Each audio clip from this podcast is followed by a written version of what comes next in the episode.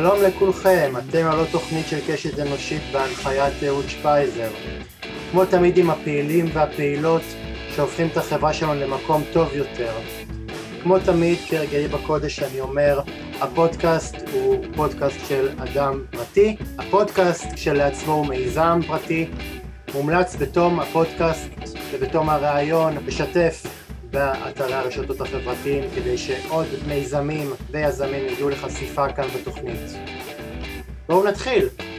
ממשלת בנט-לפיד הוקמה בצילו של משבר פוליטי חסר תקדים שגרם לרבים לטעות האם בישראל אזל מלאי המנהיגים עם החזון והכריזמה שיכולים מצד אחד לסחוף את הציבור ומהצד השני לקבל החלטות לחיים ולמוות וגם כשהדבר כרוך בסיכונים ובמחלוקות. האורח הבא שלי הוא אדם כזה. הוא הקים את מיזם פולי תקווה, מיזם שמכיל בתוכו קורס הכשרה של יזמים חברתיים לתחום הפוליטיקה. הוא עמית מכון מולד, הוא בעל טור בעיתון הארץ, הוא מחבר הספר קץ עידן העבריות, שבעקבותיו ניסה לנתח מה הוביל להתרסקות תנועת העבודה, והוא פעיל במסגרות שמטרתן איחוד שורות בתוך תנועת השמאל. האורח שלי להפעם הוא רמי לבני. שלום רמי. שלום אהוד, נעים מאוד להכיר אותך ונעים uh, להתארח בתוכניתך. תודה רבה. Uh, מה כאן uh, נכון מבין כל מה שאמרתי? בסך הכל הדברים הם נכונים, אני מאוד uh, התרשמתי. uh, עוד uh, פרט פיקנטי ש... ש... שהחסרתי כאן זה שאתה בנו של יצחק לבני, מי שהיה נכון. לשעבר מנכ"ל רשות השידור. נכון, למי שמכיר מהמאזינים היותר מבוגרים והמאזינים היותר צעירים צריך לספר, כן, הוא היה מנכ"ל רשות, רשות השידור ומפקד גלי צה"ל ואיש תקשורת אה, ותיק ומהפכן בסוגו. נכון, ואיך אתה אה, באמת אה, קשור אל לתחום הזה של, אה, של מנהיגות, הסללת מנהיגים אה, לעתיד זה התחום שבו עסקתי אה, באופן ישיר ממש כעשר שנים. אה, הקמתי וניהלתי תוכנית להכשרת מנהיגות פוליטית שנקראת פולי תקווה, שזה משחק מילים אה, על, ה... על שתי, שני המושגים האלה, פוליטיקה ותקווה, שאנחנו חיברנו באיזה לילה אחד. וממש עסקתי באופן ישיר בהכשרת מנהיגות. הדבר ששונה בתוכנית שאני ניהלתי מתוכניות אחרות שקיימות, תוכניות מנהיגות אחרות שקיימות בשפע בשוק האזרחי, היא שאנחנו התמקדנו באופן אה, מאוד ברור, מודגש ומוצהר בפוליטיקה. אנחנו רצינו להכשיר אנשים שנכנסים לפוליטיקה, ולא סתם לפוליטיקה, לפוליטיקה בתוך מחנה אידיאולוגי מסוים שהוא מחנה השמאל. אה, עשינו במשך עשר שנים עשרים וארבעה קורסים, אם אני לא טועה, יש לנו ארבע מאות וחמישים בוגרים, זו תוכנית המנהיגות הפוליטית היחידה בישראל מצד שמאל, היו דברים דומים אבל הם היו בדרך כלל אה, שייכים לארגונים או לעמותות שהיה להם אה, נישה אידיאולוגית ספציפית, עיסוק בנושא המדיני או עיסוק בנושא של זכויות אדם או עיסוק בנושא של דת ומדינה כמו ישראל חופשית אבל תוכנית להכשרה פוליטית כללית שעוסקת בכל המרכיבים של השקפת העולם השמאלית לא הייתה ולכן הקמנו את, אה, את אה, פוליטיקווה שהמשיכה לפעול עד לפני שנה וחצי. אז רמי, אז רמי אני אתחיל אה, בשאלה המתבקשת שחייבת להישאל כשאלת פתיחה. רמי, מה בא קודם? אדם קודם כל נולד עם כושר מנהיגות או שמנהיגות זה דבר נרכש? אהוד, זאת שאלה מצוינת ואין עליה תשובה חד משמעית ברורה. מנהיגות היא מצד אחד דבר אמורפי, דבר כמעט מופשט, דבר שקשה לנו להגדיר את המרכיבים שלו באיזה רשימת מכולת, אבל אנחנו יודעים יחסית להצביע על מי הוא או מי היא מנהיג ומנהיגה ומי פחות. אה, יש מרכיבים אובייקטיביים בשאלת המנהיגות, אבל יש גם מרכיבים סובייקטיביים שמשתנים ממדינה למדינה, מחברה לחברה, מתקופה לתקופה. מי שיחשב מנהיג בשוודיה של המאה ה-21 הוא לא בעל אותן תכונות שאנחנו יכולים לצפות שיתקיימו במנהיג במצרים של סוף המאה העשרים, או אפילו בישראל של uh, תחילת ימי המדינה. יש כאן דפוסים שונים, הרכבים שונים של אישיויות ושל uh, סוגי מנהיגות, שכל אחד מהם נראה ונחווה על ידי הציבור באותם מקומות כדפוס המנהיגות האידיאלי. אותו דבר אפשר להגיד לגבי, לגבי כריזמה, יש סוגים שונים של כריזמה, יש מקומות שבהם, בתקופות שבהם מעדיפים אנטי כריזמה, שבהם מנהיגים שאין להם כריזמה פורצת, מצ'ואיסטית, חזקה, מודגשת, הם דווקא נחשבים למנהיגים אה, ראויים יותר. תסתכל על מה שקורה בניו זילנד, אני מדבר גם על מנהיגות נשית, אבל, אבל לא רק. תסתכל על לוי אשכול אה, כאן אה, בשנות ה-60 ותסתכל אה, אולי על המנהיגות ה... לא יודע אם אנטי כריזמטית, אבל השונה מאוד מהמנהיגות שאנחנו רגילים אליה, רגילים אליה אצל יאיר לפיד ונפתלי בנט, שאולי אנחנו נדבר עליהם בהמשך. אז נחזור לשאלתך, כי אני לא רוצה להשאיר אותך מאוכזב, האם נולדים מנהיגים או אפשר להיות כאלה? יש מרכיב מולד, מרכיב שהוא באופי של היכולת ליצור התפעלות, רושם, היסחפות אה, אצל אה, הזולת, אצל אנשים אחרים, היכולת להיראות לאחרים דבק בדרכך, ממוקד, בעל כיוון, יודע מה אתה רוצה, יש מרכיבים אה, של אופי כאן, אני בהחלט מסכים, אבל יש המון דברים שעדיין דרושים אה, אה, שיקבלו אותם בתהליך של למידה, וזה פחות או יותר מה שאנחנו עשינו בפוליטיקווה. אה, יכול להיות אדם עם נתונים לא רעים בכלל, נתונים אישיים לא רעים בכלל, עם איזה מוחצנות ואיזה חוסן של אישיות ויכולת לומר דברים ברורים, אבל עדיין כאשר הוא ניגש לומר את אותם הדברים, התוצאה היא תוצאה מבולבלת, מעומעמת מדי, לא מספיק מחויבת, וכאן אנחנו צריכים לעבוד עם אותו מנהיג או מנהיגה בפוטנציה כדי שהוא ילמד גם אה, איך לארוז או איך אה, לנסח את המסר שלו אל הציבור באופן שהוא יתקבל כמסר אה, מנהיגותי. איך להיות בהיר יותר, נחוש יותר, חד יותר, עמוק יותר, אכפתי יותר, אחראי יותר. אנחנו עבדנו בעיקר על מרכיבים מנהיגותיים שקשורים לתפיסה אידיאולוגית. לא רק, אבל, אבל בעיקר, כי בעינינו כאן הלקונה, החיסרון הגדול של הפוליטיקאים הצעירים, ולא רק הצעירים בישראל. אבל אה, יש אה, בכל זאת מכנה משותף עם, אה, לכל הפוליטיקאים ולכל המנהיגים שאני מזהה, וזה מרכיב האגו, זה שהרבה מאוד מנהיגים חרדים ובאיזשהו מקום מתייחסים בחרדת קודש ממש למקום שלהם ולתפקיד שהם לוקחים.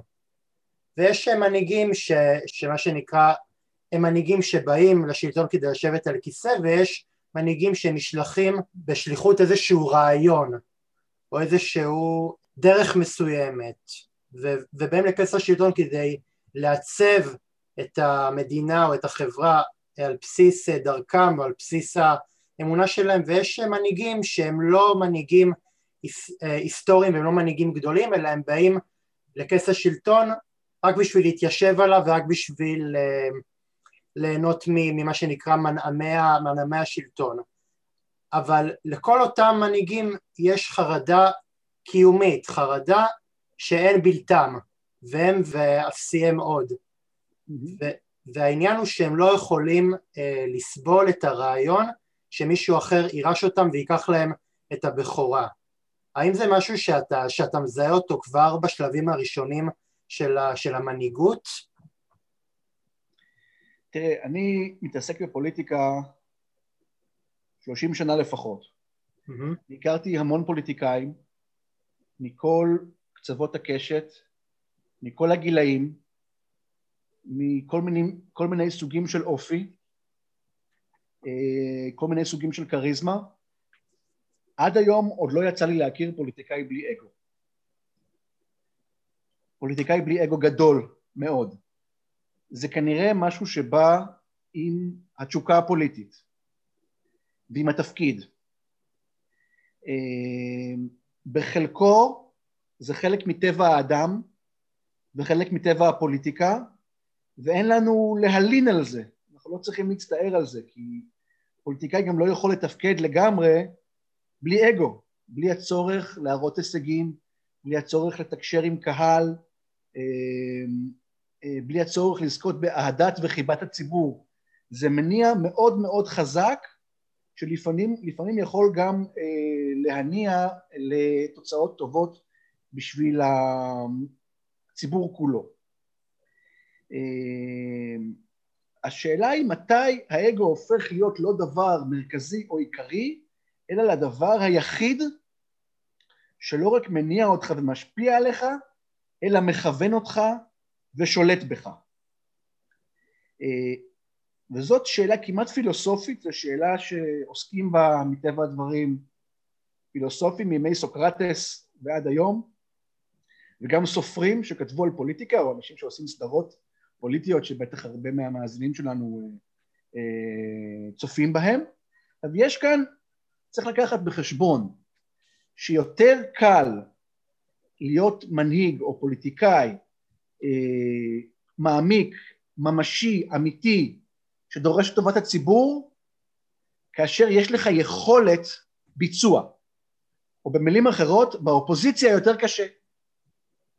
אנשים שתקועים באופוזיציה עשרות שנים, כמו חברינו וחבריי מהשמאל, משהו בביטוי המערכתי של החיים הפוליטיים שלהם הופך אותם למאוד מאוד פגיעים לתחרויות ומאבקים פוליטיים בתוך המפלגה, למאבקים על יחסי ציבור, למאבקים מול העמיתים שלהם אה, בתוך המפלגה או במפלגות בתוך הגוש, כי אין הרבה יכולת להביא הישגים, אין הרבה תחומי אחריות, וכשאין הרבה כאלה דברים שבהם אתה יכול לבטא את עצמך, אתה נגרר לתוך מלחמות אגו אינסופיות. נכון. לשרים בממשלה, לראש ממשלה, יותר קל להראות שהם פועלים לטובת הציבור, וכל היום דואגים ליחסי החוץ של ישראל ולמצב הביטחוני שלה, כי יש להם זמן ומרחב לעשות את הדברים האלה. אה, לכן אני מאוד מאחל למחנה שלי שעידן האופוזיציה הנצחית לא אה, יסתיים באיזשהו שלב, ולכן אני גם תמכתי בממשלה הנוכחית, כי אני רוצה לראות את החבר'ה שלנו בשמאל עושים דברים, מביאים את המנהיגות שלהם לידי ביטוי, לא רק בהחלטות ממשלתיות, גם בהצהרות וב... הבהרה של כיוונים פוליטיים, אבל מתוך עמדה של כוח. אז עוד פעם אני חוזר לש... לשאלה שלך. בפוליטיקה יש מרכיב אה, מובנה, אינהרנטי, של אגו. ככה הם פוליטיקאים. אנחנו, בקורסים שאני עשיתי, דאגנו לזה שאנשים יבינו וילמדו קצת צניעות, שיבינו שהם חלק מתוך מערכת שהייתה קיימת לפניהם וקיימת אחריהם, והיא מערכת ש... יש בה שלב ונדבך שנבנים אחד על השני, ובסופו, ש, ובסופו של דבר תפקידם הוא לממש רעיונות שהם לא רק רעיונות שלהם, אלא רעיונות של אה, מחנה שלם בשיטת העברת המקל מהדורות הקודמים, מהפוליטיקאים הקודמים אליהם, ולכן נדרש להם חזון גדול, אבל גם צניעות גדולה, ולקחת את עצמם בקצת פרופורציות והרבה הומור. רמי, שרטט לי קווים כלליים מתי אה, חברה נקלעת למשבר מנהיגותי שממנו היא כבר לא מסוגלת להצמיח דור חדש של הנהגה והאם יש לנו מה ללמוד מאותם מקרים כאן בארץ? גם זאת שאלה ממש טובה, סליחה שאני ככה מחמיא לך, אבל ממש אני שמח על השאלה הזאת. אה, אנחנו מצויים היום בישראל במשבר מנהיגותי, כמו שאתה הבחנת. אה, הוא שייך לשני אגפי המערכת, גם בימין וגם בשמאל. אבל בימין, אנחנו אחרי 13 שנה של שלטון של מנהיג שעם כל כמה שאפשר לדבר בגנותו, מבחינת כישורי המנהיגות המוכחים שלו, הוא בהחלט סיפק את הצורך של המחנה שלו, של הימין, בתחושה שיש בעל בית, מוביל, יודע את הדרך, מביא לניצחונות, אה, מחזיק את ישראל איתנה, מבחינתם. מה יהיה אחריו בימין אי אפשר לדעת. אבל משבר המנהיגות הוא חריף במיוחד ככל שמדובר בשמאל או במרכז שמאל. ואני רוצה לשרטט לך, כמו שאמרת, את המתווה של תקופות שבהן יש משבר מנהיגות כזה. אני חושב שאלה תקופות שבהן החברה עצמה, זה לא רק המנהיגים שאשמים, החברה עצמה לא מצליחה לייצר מנהיגים.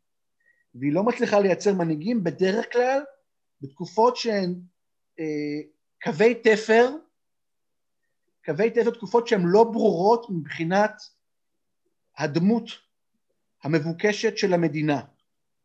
אה, אנחנו היום בתקופה שבה יש המון גושים טקטוניים, אידיאולוגיים, זהותיים, פוליטיים, שעדיין לא הסתדרו עד הסוף.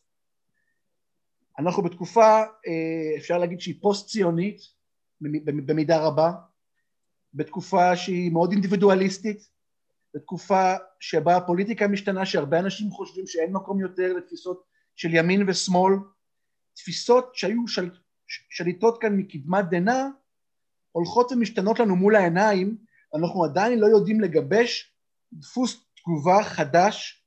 מספיק, אנחנו מסתכלים על החברה המשתנה ולא לגמרי מבינים אותה. חברה שנעשית פחות חילונית, חברה שנעשית פחות שמאלית, חברה שהופכת להיות חברה של שבטים.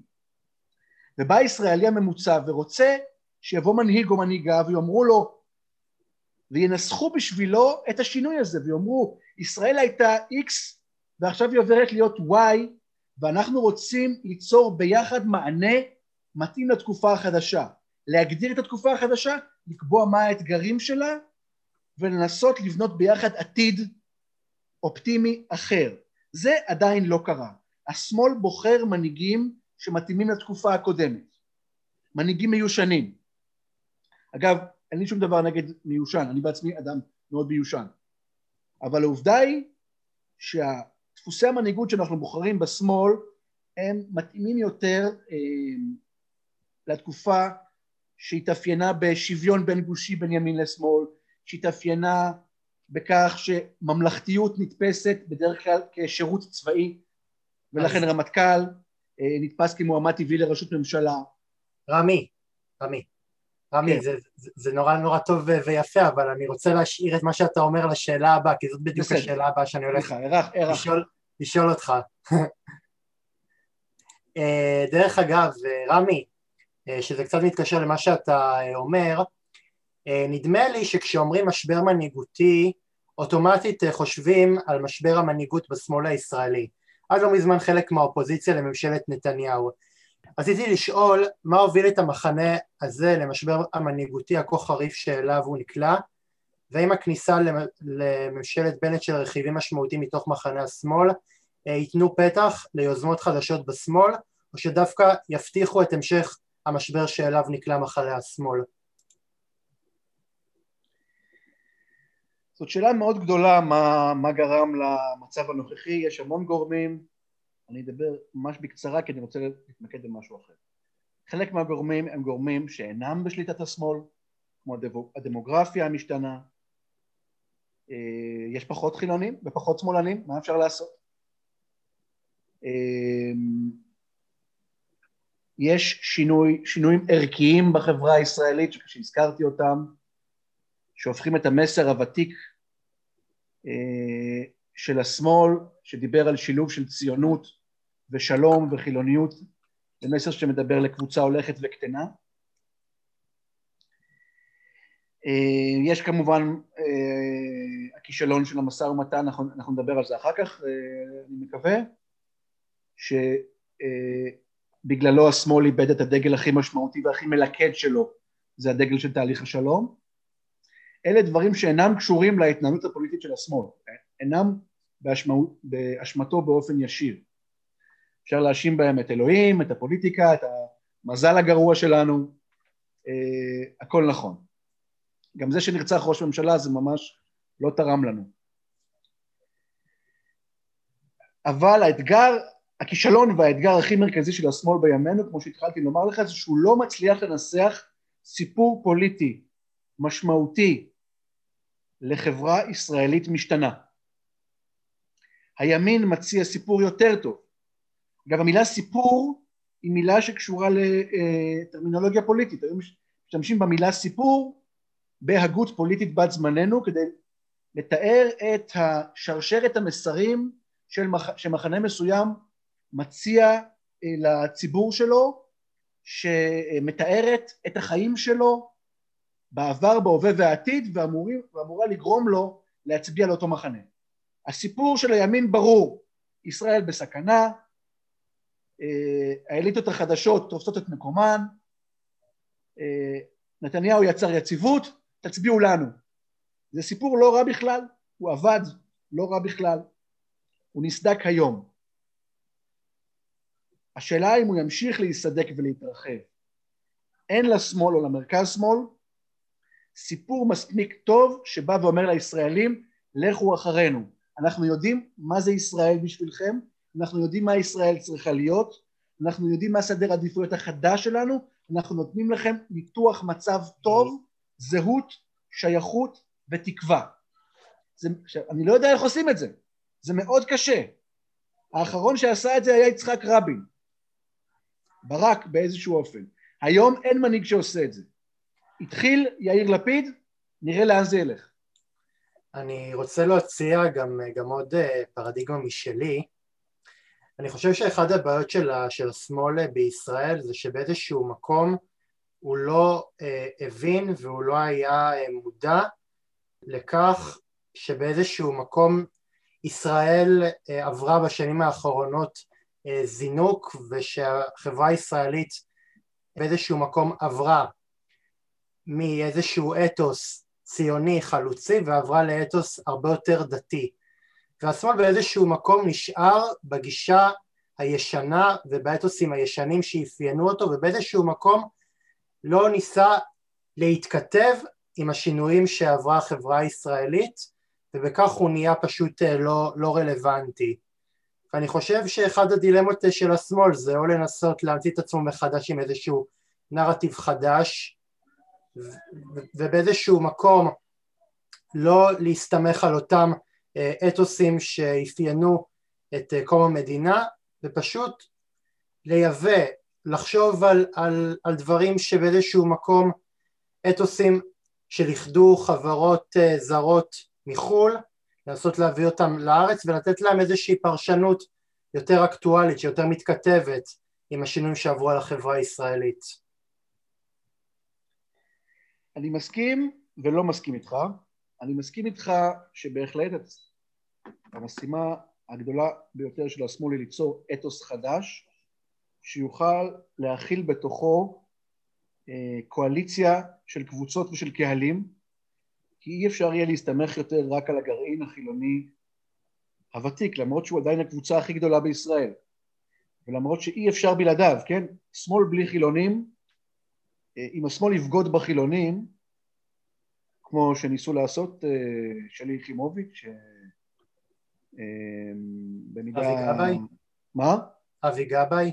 אבי גבאי ואחרים, אם השמאל יבגוד בחילונים הוא ימצא את עצמו עם מעט מאוד מנדטים, כי גם הם קהל וגם הם רגישים למה שחשוב להם ולכבודם העצמי, יש להם כבוד עצמי, ואני מאוד ממליץ לא, לא, לא להסתבך איתם. אגב, כשאני אומר איתם זה גם איתי. אה, אבל אתה צודק, המשימה הגדולה ביותר היא ליצור פוליטיקה אנטי שבטית, בתוך מציאות שבטית. הימין מרוויח מהשבטיות, והימין מספר סיפור של ישראל שבטית, מפורדת, מפוצלת, שמה שמאחד אותה זה פחד קיומי ופטריוטיזם אה, חלול למדי, פטריוטיזם של אה, שנאת ערבים, אה, קשיחות לא רציונלית מול הפלסטינים ואירוויזיון. זה לדעתי לא מכנה משותף שיכול להחזיק את החברה הישראלית, והתוצאה היא שהימין מפרק את החברה הישראלית. השאלה היא, המרכז שמאל, נדמה לי שמי שמוטרד מהמשימה הזאת ומבין אותה, יש לו חושים מאוד טובים, הוא יאיר לפיד. אני לא מסכים עם הפוליטיקה שלו, אבל אני בהחלט מברך את זה שהוא מודע לזה שהמשימה של המרכז שמאל לנסות ליצור אה, פוליטיקה וזהות רחבה, מכילה, שיכולה לתת משמעות נוקבת לשאלה מהו ישראלי, מהו יהודי בישראל של המאה ה-21, מה אנחנו עושים פה, למה אנחנו פה, ויחד עם זאת לפתוח פתח לקהלים שונים שהגדרות הזהות שלהם הן שונות, לא כולם גדלו באותם מקומות או באותם קיבוצים, אה, להרגיש את עצמם בנוח ובטוב בתוך הגדרת הזהות הזאת. זאת, זאת המשימה הכי גדולה שלנו והיא לגמרי לא טריוויאלית, כי כל דבר שאתה משנה או מחליף, יש לו מחיר. כל דבר שאתה מכניס, גם לו לא יש מחיר. תגיד, רמי, mm-hmm. עד כמה תהליך ההדתה, המכונה בכל פה, בקרב חוגי השמאל הוא באמת תהליך שמעמיד בסכנה את ערכי החירות שלנו כאן בארץ, והאם מנהיגי השמאל קבעו שהתהליך הזה מהווה סכנה רק מתוך הטעם הפשוט שהם חוששים לאיבוד מקומם במפעל הציוני? אז צריך להבין קודם כל מה זה הדתה. כשמדברים על הדתה במערכת החינוך או הדתה ברחובות עם כל דוכני התפילין של אה, חב"ד או ניסיונות לא להכניס, לאסור על חמץ לבתי חולים ודברים כאלה, הדברים האלה אני לא מתרגש. חייב לומר לך, בעיניי זאת לא הדתה. זה החברים הטובים שלי בפורום החילוני, ולפעמים במולד, מאוד מודאגים מהעניינים האלה, אבל אני אף פעם לא התרגשתי מכל מיני אה, התנכלויות מינוריות לזכויות הפרט. אולי אני לא כזה ליברל גדול, ואני חושב שבישראל בסך הכל זכויות הפרט נשמרות, וכל חילוני יכול לחיות אם לא במאה אחוז, אז בתשעים וחמישה אחוז באופן שבו הוא מאמין בו, לא נכנסים לו כל כך לצלחת, יש הסדרים נוחים ברוב התחומים, לא מספקים, שווה מאבקים, אבל מההדתה מהסוג הזה אני לא מודאג. אני מודאג מזה שישראל הופכת להיות חברה פחות חילונית.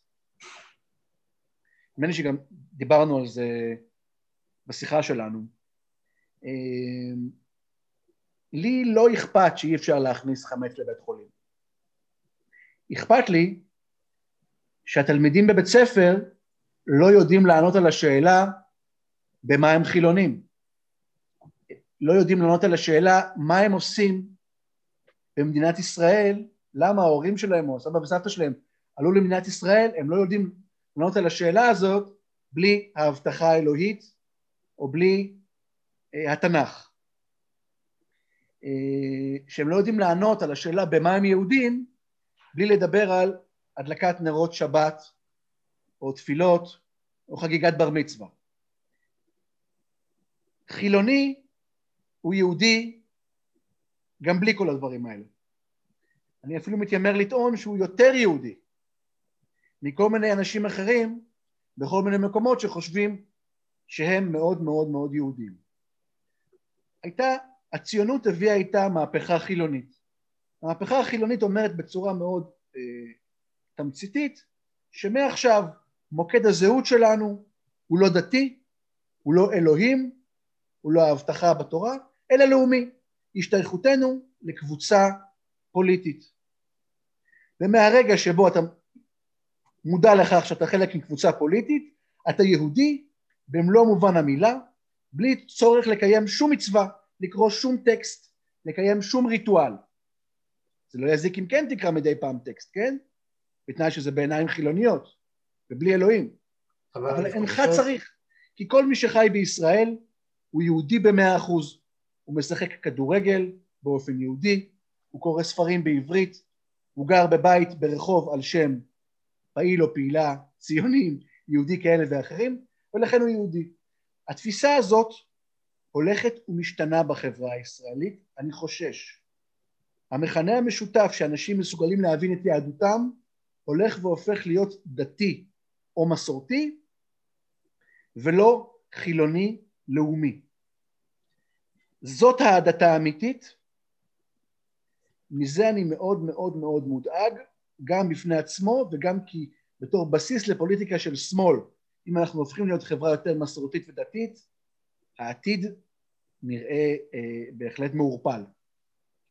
אבל נראה לי שבמידה מסוימת זה קצת ללכת עם ולהרגיש בלי, כי באיזשהו מקום כש, כשאתה אומר שמדינת ישראל היא מדינה יהודית דמוקרטית אז אתה צריך לתת לא רק דין וחשבון על מה זה אומר להיות דמוקרטי אלא אתה, אלא אתה גם צריך לתת דין וחשבון על מה זה אומר להיות יהודי. עכשיו תראה היהדות פנים רבות לה, יהיו כאלה שיגידו שבשבילם יהדות זה לא לנסוע בשבת ולהפריד בין בשר לחלב ולא לאכול מאכל שהוא טרפה אבל ברגע שאתה, שאתה אומר שמדינת ישראל היא מדינה יהודית אתה מחויב מתוקף היותך נותן נושא המסר להגיד במה היא יהודית. כי יש הרבה מאוד יהודים שהם אם אתה תלך ברחוב והם יעמדו על אותו קו הפרדה בינך לבינם הם יגידו אתה בכלל לא, לא יהודי במה אתה יהודי? אתה נוסע בשבת אתה במסעדות מזמין מזון לא כשר אתה, אמ, אתה גולש באינטרנט בשבת, במה אתה, במה אתה יהודי? אז אני חושב, אז אני חושב שכן, כן יש אה, דברים שמקשרים אה, בין היהודים, אבל אני חושב שמה שמקשר אותם זה אולי ההיסטוריה וה, והשורשים וה, והמנהג, והחגים ופחות כל היתר. אהוד, זה דיון נורא מעניין, זה דיון של 200 אה, שנה לפחות, ומה זו יהדות ומי הוא יהודי, ושאלה שעדיין ממשיכים לעסוק בה ולריב עליה ולהתווכח עליה. אה, כדאי לקרוא את ברנר ואת ברדיצ'בסקי בהקשר הזה, הוא יותר מוכן את א' ב' יהושע, שהם פחות או יותר מורי הדרך שלי בשאלה הזאת, כאשר המסקנה שלהם הוא, היא אה, שיהודי הוא כל מי שחי אה, בתוך מסגרת חיים יהודית, בין יהודים, בתוך מרקם חיים יהודי, אה, מתוך מחויבות וסולידריות ליהודים אחרים אה, נוספים. אה, ולכן אנחנו היהודים החילונים מגשימים את כל הסעיפים של ההגדרה הזאת של היהדות. זה נכון שיש יהודים דתיים או מסורתיים שמגדירים את היהדות שלהם בדרך אחרת, זו זכותם. אני רוצה להיות יותר דומיננטי מהם.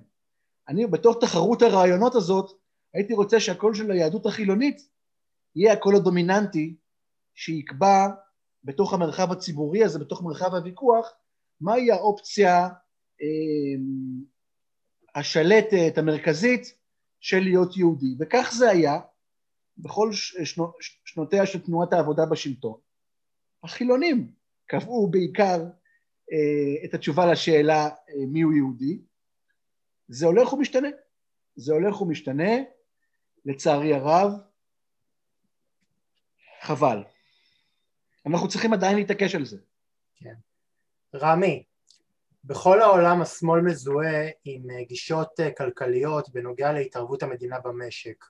פה בישראל התהפכו היוצרות והשמאל מזוהה בעיקר עם השיח המדיני-ביטחוני ועושה רושם שבשנים האחרונות מחנה השמאל במקום להציל את עצמו מחדש בסוגיות של חשיבה על פתרון לסוגיות של ביטחון ושלום רק עסוק בלהתרפק בהרגל נחלת העבר. מדוע לדעתך השמאל הפסיק לקבוע את הטון בכל מה שקשור לסוגיית הביטחון והפקיר את הזירה לימין?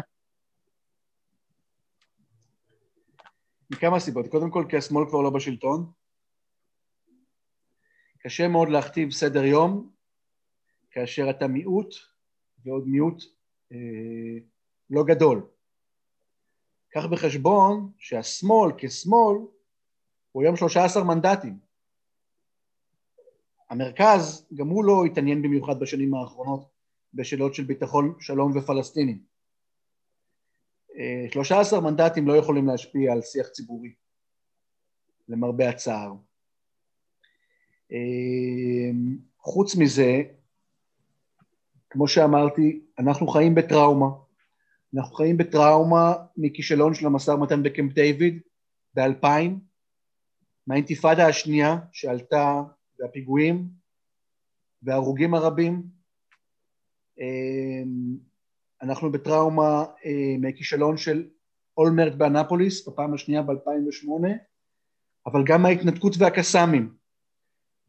הציבור הישראלי עוד לא החלים מהטראומה הזאת, הוא עוד זוכר את הפיגועים באוטובוסים, הוא לא מאמין לפלסטינים, הוא מאשים את הפלסטינים בכישלון של קמפ דיוויד ושל אנפוליס, והסקפטיות וחוסר האמונה באפשרות להגיע להסדר עם הפלסטינים היא היום הרבה מעבר למחנה השמאל והמרכז והימין.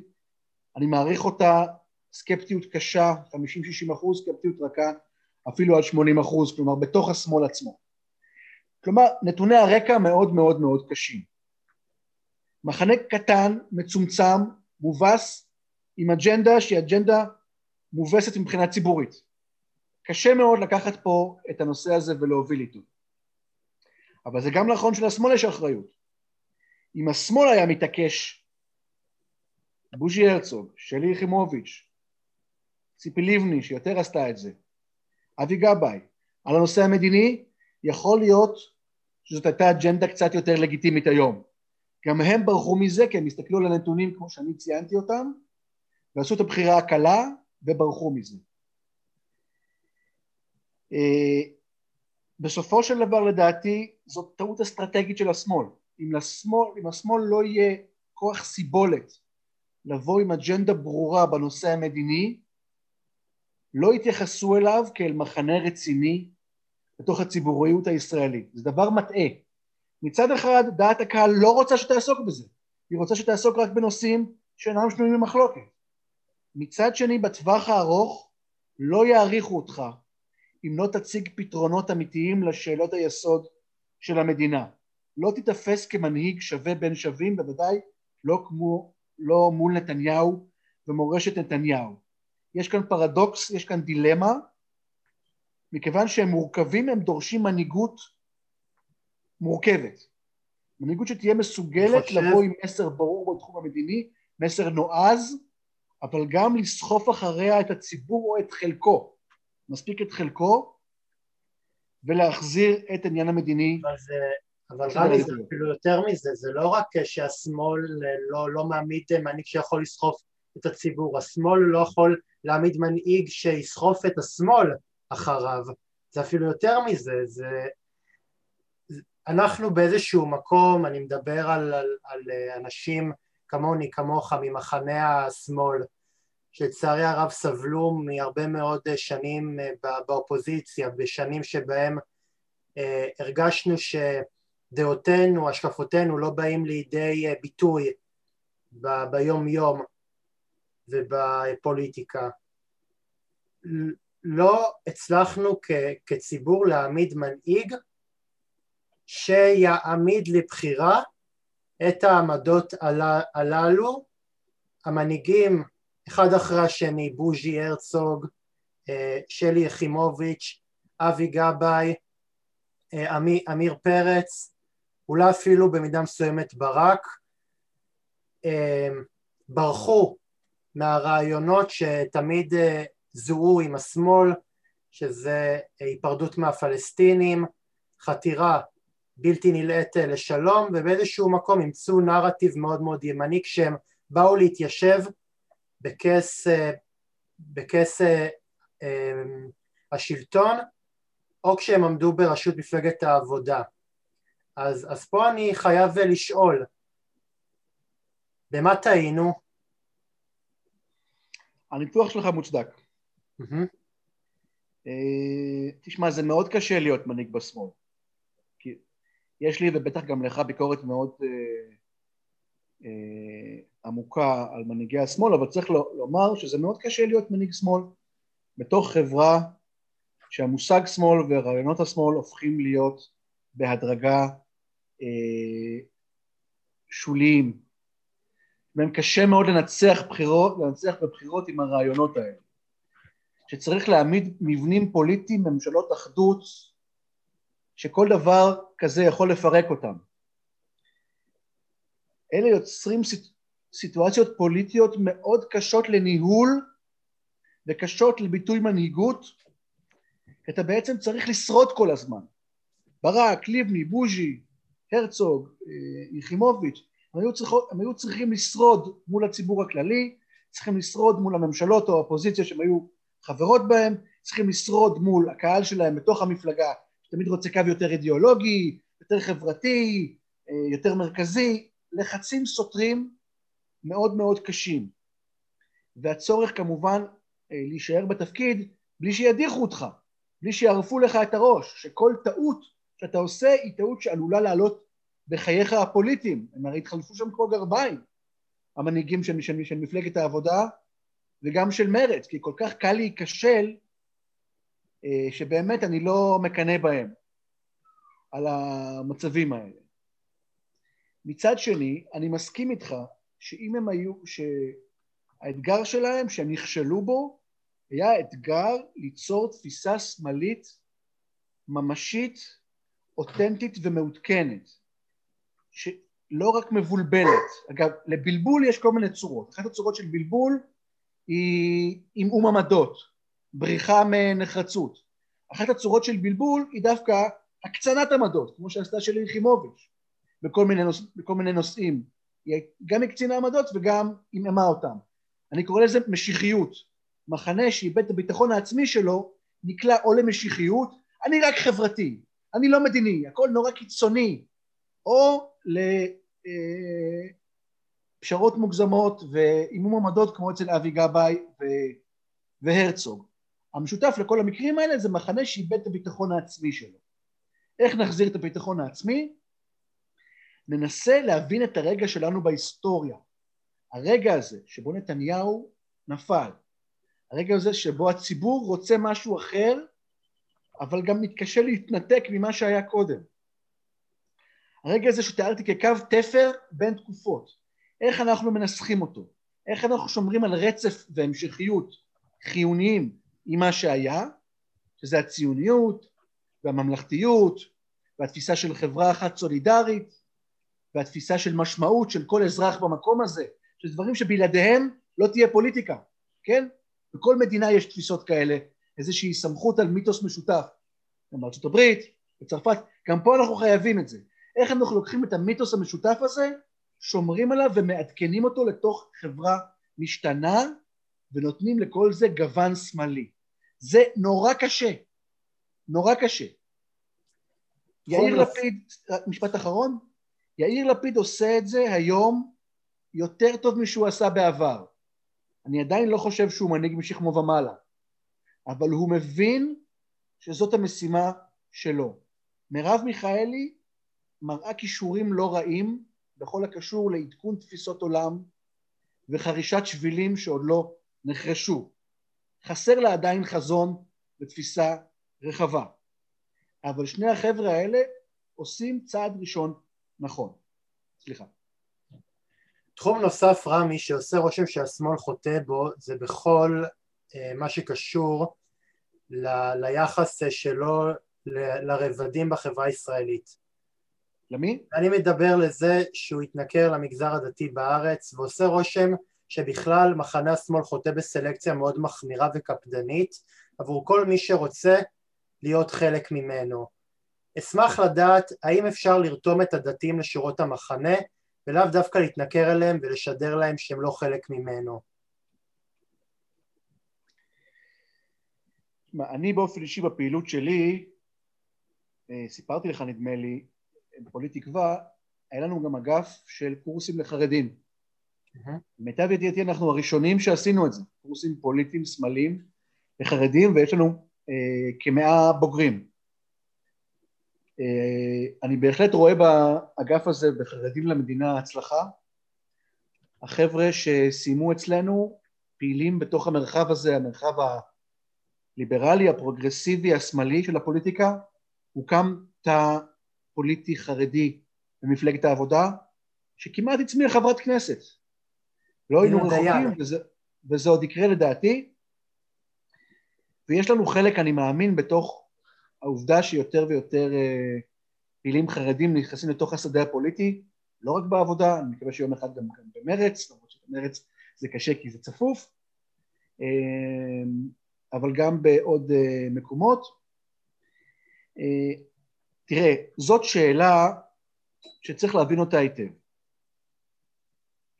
השמאל, מטבע הגדרתו, חייב להיות פתוח ומחבק ובית לכל המגזרים בישראל ולכל הקבוצות. הוא לא יכול להיות בשום אופן שהוא יהיה שייך לקבוצה אחת, לסמלים שלה, למה שנוח לה, להרגיש או לא להרגיש, לצפנים שלה, לשפות הקוד שלה, בשום אופן. השמאל חייב להיות אוניברסלי אמיתי, ואוניברסליות בתרגום לעברית, לדעתי זה ציונות. אבל צריך גם להכניס גם את הערבים כמובן, לכן זה צריך להיות ציונות בשילוב של תפיסה אזרחית אוניברסליסטית יהודית.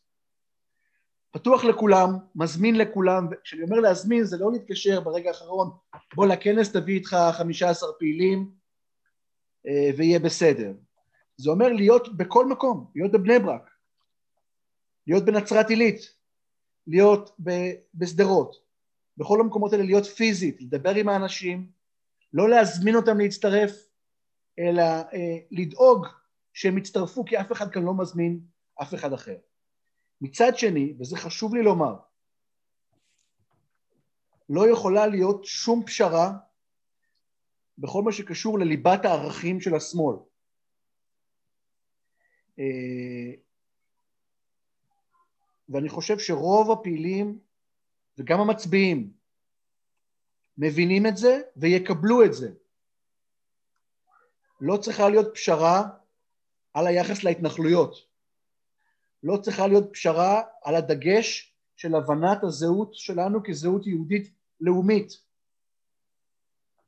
לא צריכה להיות פשרה על הפרדת הדת מהפוליטיקה.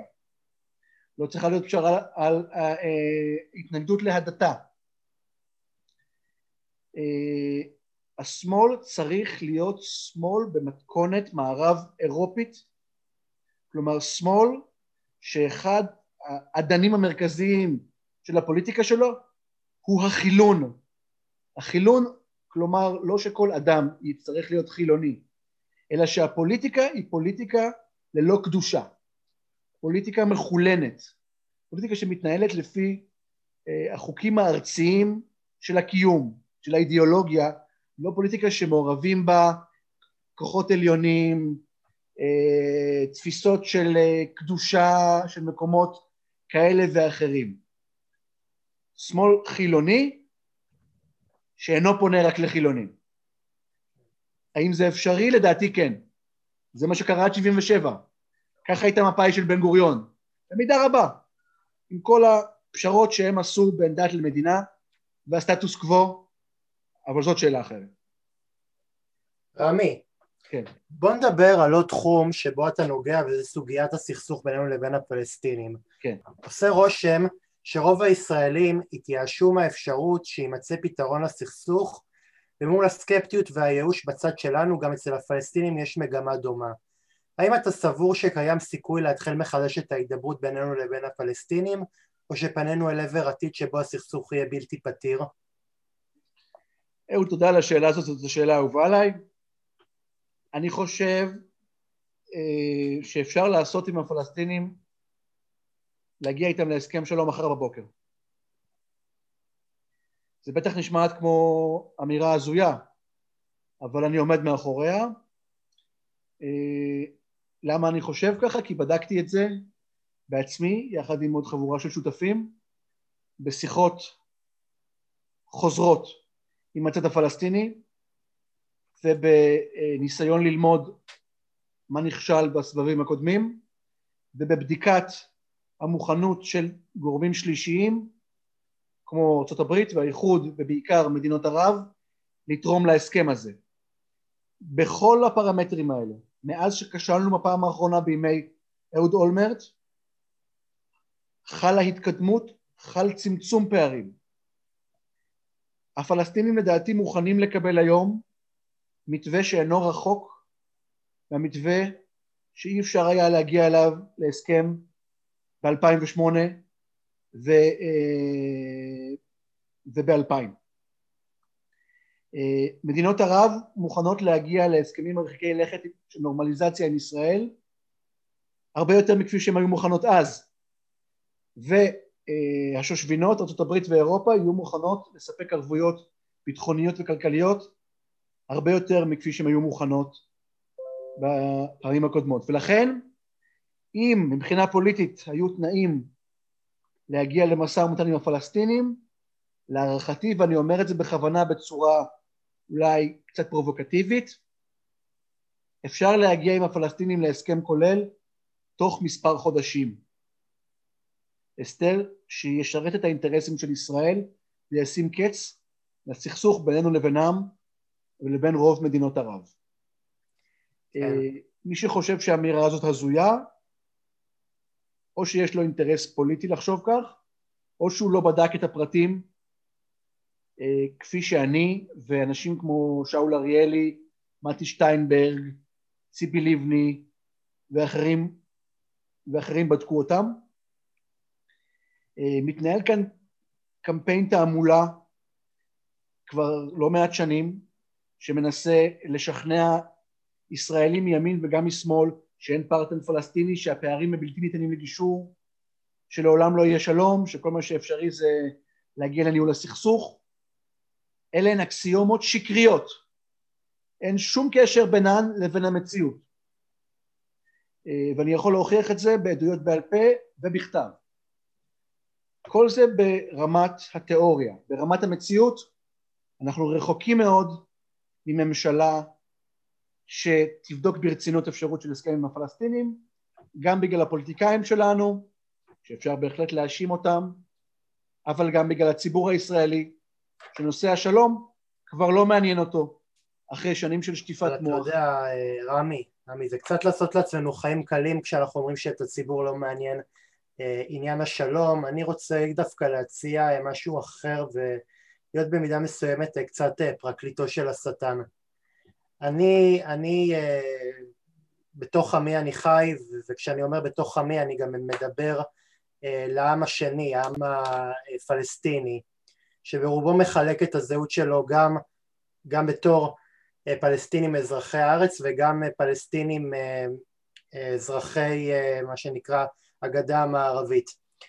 ואני חושב ש, שה, שהייאוש והדעות השליליות שחלק מהציבור בישראלי חש, ואני לא חושב שכשמאלני יש לי זכות אה, לבטל את העמדות האלה, אלא להפך, להקשיב להם בקשב רב ולנסות למצוא להם אה, פתרון.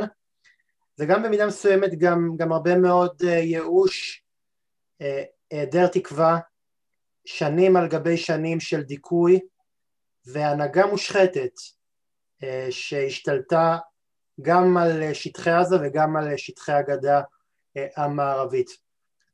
אם בתוך המציאות הזאת יבוא מישהו ויוכיח לי שיש, שיש תקווה ושאכן אה, תהיה ערבות שייחתם הסכם שלום והוא לא יקומם עליו את כל הצדדים ואת כל האנשים הקיצוניים, אני חושב שהרבה מאוד אנשים מהשמאל וגם הימין הרך, לא מדבר על הימין המשיחי, זה שחושב שהמדינה רשומה על שמו בטאבו, אני חושב שיהיה אפשר אה, ויהיה הרבה יותר קל אה, לגרום לציבור להאמין שאכן אה, הסיכויים לשלום הרבה יותר גדולים ממה שנדמה להם. אז אתה מחזיר אותי לפרויקט שאני עשיתי שלא הזכרנו אותו, דרישת שלום, וזה בדיוק מה שעשיתי. ניסיתי uh, ליצור תודעה בתוך הציבור הישראלי שיש פרטנר פלסטיני ושאפשר להגיע להסכם שלום עם הרשות. עשינו את זה באמצעות סיורים ברמאללה, לקחנו מאות אנשים, בעיקר עיתונאים, מעצבי דעת קהל, אה, פוליטיקאים, לפגישות עם בכירים ברשות, מאבו מאזן ומטה, והבאנו בכירים ברשות לשיחות בתוך מערכות עיתונים פה בישראל, בערוץ 2, ידיעות אחרונות, וואלה, מקומות אחרים, כדי לנסות ולדבר ותכלס ולהגיד חבר'ה אפשר להגיע להסכם או אי אפשר להגיע להסכם. הן היו פגישות מאוד מאוד מוצלחות. אה, אם אתה שואל אותי בפרספקטיבה האם הם תרמו במשהו לשינוי הלוך הרוח בישראל, אני לא חושב. כי עם כל הכבוד לי, לשותפי, יובל, סרי, ולניסיונות אחרים, רוח הזמן, התעמולה הפוליטית, חוסר האינטרס של הפוליטיקאים, הם הרבה יותר חזקים מכל יוזמה. לכן תרשה לי לחלוק עליך, אהוד, בעניין הזה. אני חושב שכרגע שום דבר שהפלסטינים יעשו, כולל מופע סטריפטיז עם נוצות במליאת הכנסת, לא ישנה את דעתם של הישראלים לגבי הנושא של הסכם. לא ישנה. רמת שטיפת המוח היא כזאת, חוסר העניין, השעמום, השיממון, אה, חוסר האמון באפשרות הזאת, היא כזאת שאין כרגע צעדים שהצד הפלסטיני יכול לעשות כדי לשנות את זה, ואני לא ממליץ לאבו מאזן לעשות שום מחווה לישראל, מכיוון שאם הוא יעשה מחווה ולא יקבל עליה תמורה, הוא ייחלש עוד יותר בזירה הפלסטינית, וזה מסכן את השלטון של הפת"ח, אה, וחלילה החמאס יעלה, יעלה לשלטון גם שם. המפתח הוא בידי המנהיגות הישראלית. דיברת על מנהיגות. היחידים שיכולים לשנות את, את הכיוון של השיח הישראלי הוא הפוליטיקאים והמנהיגים הישראלים שיכולים להחזיר אותו לראש סדר העדיפויות ולעצב אה, אה, את דעת הקהל הישראלית ולומר לה כמה שהנושא הוא חשוב. וללכת עם זה קדימה. לא קודם כל דעת קהל ואז שלום קודם שלום ואז דעת קהל. מה שישכנע את הישראלים שהם צריכים שלום זה שקודם כל יבוא השלום זו אמירה קצת מורכבת אבל אני עומד מאחורי. צריך להתחיל לזוז גם כשהציבור הישראלי לא מוכן והוא יהיה מוכן עם הזמן. לאט לאט. אבל רק מנהיגים גדולים עושים את זה. רק מנהיגים גדולים. גם רבין התחיל ללכת קדימה כשהציבור הישראלי לא היה מוכן ולאט לאט הוא היה יותר ויותר מוכן. רמי אני חוזר על הנושא שבו פתחתי. סביב אילו סוגיות מהות אתה מזהה היעדר יכולת הנהגה כאן בארץ וכיצד דווקא כוח חדש יכול להשיב לחיים את מודל המנהיגות שעבד לנו? מה החלק הראשון של השאלה? אה, סביב אילו סוגיות מהות אתה מזהה היעדר יכולת הנהגה כאן בארץ? בכל הסוגיות. אה, ישראל סוחבת איתה אה, סדרה של הכרעות בלתי פתורות. הכרעות שהיו צריכות להיות מוכרעות כבר ב-1948, או קצת אחרי, אבל בגלל המורכבות של המערכת הפוליטית אה, והקשיים של המנהיגות, הן לא הוכרעו. הוכרעה ההכרעה על הקמת המדינה. הוכרעה ההכרעה על גבולות המדינה ב-48. לא נעשתה הכרעה לגבי אופייה של המדינה, שאלת החוקה, שאלת אה, היחס בין דת למדינה.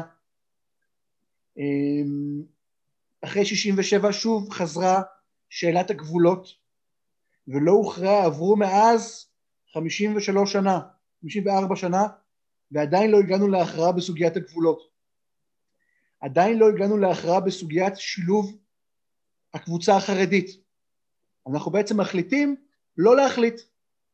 ממשלה כזאת טיפה מנסה את זה, ממשלה אחרת טיפה מנסה את זה, אבל אף אחד לא מחליט כן לגייס את החרדים, לא לגייס את החרדים, כן לדרוש מהם לימודי ליבה, לא לדרוש מהם לימודי ליבה. ואנחנו, היו כמה ממשלות שניסו להגיע להכרעות, כמו ממשלת רבין, 92, ממשלת ברק ב-99, אבל לא הצליחו, מסיבות אה, שזה לא המקום לדבר עליהן. מאז אין לנו ממשלות של הכרעה, יש לנו ממשלות של ניהול, דשדוש ואינרציה. ממשלות שלא מנהלות, שלא אה, מעצבות את המציאות, אלא מגיבות אליה. עכשיו זה לא אומר שהן לא מגיעות להישגים מדי פעם, קצת בזכותן, קצת כי תהליכים קודמים הבשילו. זה נכון שנתניהו בהחלט חיזק את ישראל מבחינה אה, מבחינת אה, העוצמה שלה באזור ובעולם, הפך אותה לטענתו למעצמה, זה נכון שהוא הגיע להסכמים שיש להם יתרונות עם כמה מדינות ערב, זה נכון שהייתה פה צמיחה מאוד גדולה וישראל התחזקה מאוד כלכלית, אבל זה לא נעשה מאיזה אה, חזון גורף וחווה קול שמדבר על הדרך הנכונה לישראל, בוודאי שלא הוצבה לזה אלטרנטיבה מצד שמאל. אני מצפה ממנהיגות שתהיה פה שהיא תגיד בדיוק לאן ישראל צריכה ללכת ואיך היא פותרת את ההכרעות שעדיין נותרו לה. אלה ההכרעות שהופכות אותנו מדינה נורמלית לשטטל במקרה הרע, או למדינה שהיא מעין מדינת ביניים בין אגודה של שבטים לבין מדינה, מדינה מערבית. המנהיגים ש, שיבואו עם פתרונות הם המנהיגים הראויים. רמי, לקראת סיום, אה, אשמח לדעת מי הם כרגע הדמויות במחנה השמאל שאתה מאבחן בהם כישורי מנהיגות עתידיים כיום. אז אמרתי, אם זה המרכז, יאיר לפיד מגלה בשנה האחרונה יכולות שלא ידענו שקיימות אצלו, אחריות, יכולת להתפשר, יכולת לפייס, יכולת לדבר לציבור הישראלי בשפת הערכים והרגש, יכולת למקם את עצמו כחלק ממהלך ישראלי ממלכתי ציוני גדול, אני מסתכל בו באהדה, הוא עדיין לוקה בחוסר רצינות ובחנופה לדעת הקהל ובחוסר העמקה, אם הוא ישתפר בנושאים האלה יש לו פוטנציאל מנהיגות משמעותי. אה, למרב מיכאלי אה, יש יכולת לאתגר את השיח הישראלי ואת השיח של השמאל ולהעלות נושאים עם פוטנציאל חיובי למחלוקת ולגיוס כמו הנושא הפמיניסטי, אה, יכולת להצטייר כמנהיגה פורצת דרך, מתקדמת, היא לוקה ביכולת שלה אה, להתחבר למהלך גדול יותר של זהות יהודית ישראלית אה, ולהצטייר כמנהיגה שהיא לא רק מנהיגת נישה, גם פה יש לה מה לעבוד ואני מאוד רוצה שהיא תצליח. אני עדיין לא רואה את המנהיג או את המנהיגה שאפשר להביט בהם ולומר וואו, כאן יש שילוב מנצח. גם אני, גם אני לא יכול uh, לראות את זה. Uh, היה לי איזשהו, תליתי פוטנציאל בהתחלה באיימן עודה, uh, מי שעומד בראש הרשימה המשותפת, אבל הוא מאוד מאוד מאוד אכזב. ואין לי בעיה שבראשות המדינה יעמוד ראש ממשלה ערבי, אבל הוא גם כן צריך להיות בן אדם עם, עם חזון, בן אדם שיכול לקרוץ גם, ל, גם לקהל הערבי אבל גם אה, לקרוץ אה, לקהל היהודי-ישראלי ואיימן עודה לצערי הרב מאוד מאוד מאוד אכזב. אני מסכים איתך לגבי איימן עודה, אני מאוד מחבב אותו ומעריך אותו, יש לו מרכיבים של מנהיגות כמו מעוף, כמו יכולת לחבר, אה, כמו חזון, שמאוד חסרים אצל מנהיגים אחרים. יש לו בעיות שנובעות מעצם המיקום הפוליטי שלו, ואולי גם בסעיף האומץ, אה, שזה קל מאוד להטיף מבחוץ, כן? הוא עדיין לא מספיק גיבה את האמירות שלו במעשים שיראו שפניו למהלך גדול. נכון. רמי, לסיום, אה, נסכם את שיחתנו בבחירה אישית שלך של אה, דמות אחת שמבחינתך מגלמת את כל מה שדרוש בשביל להיות מנהיג טוב, לאו דווקא מהארץ, אתה יכול לבחור מנהיג מכל מקום אה, בעולם, ואשמח אם תפרט מדוע. בטח תגיד צ'רצ'יל. לא, צ'רצ'יל הוא הגיבור של נתניהו. טוב, בסדר, אז אתה תגיד.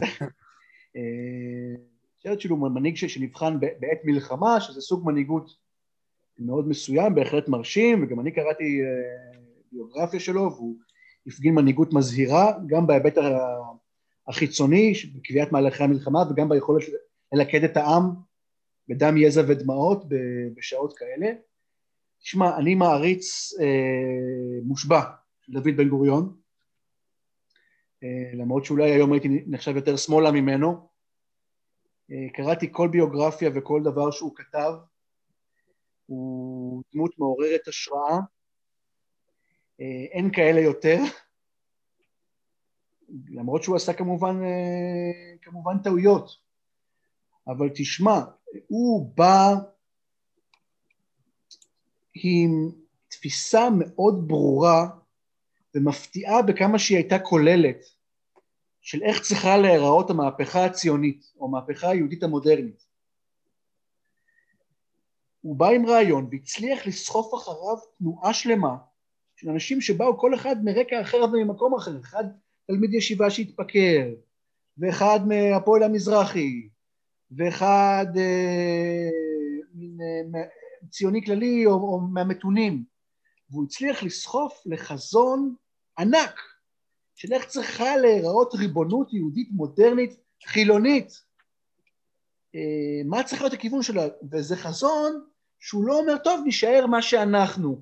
אתם תהיו כאלה, אנחנו נהיה כאלה, יהיו דתיים, יהיו חילונים, אלא היא מנסה להצביע על הכיוון הממלכתי שהפרויקט הזה צריך, צריך לקחת, כאשר המחלוקות הן ברורות, ולמרות המחלוקות הוא בא והטיל את כל כובד משקלו בתנאים בלתי אפשריים, סחף אחריו תנועה שלמה, הקים מוסדות, הקים מבנים כלכליים חברתיים, אה, הקים מעמד אה, פועלים שאחר כך נהיה לעם, וקיבוצים, והסתדרות, יחד עם שותפיו, ברל כצנלסון ואחרים, כמובן, ואחר כך מדינה.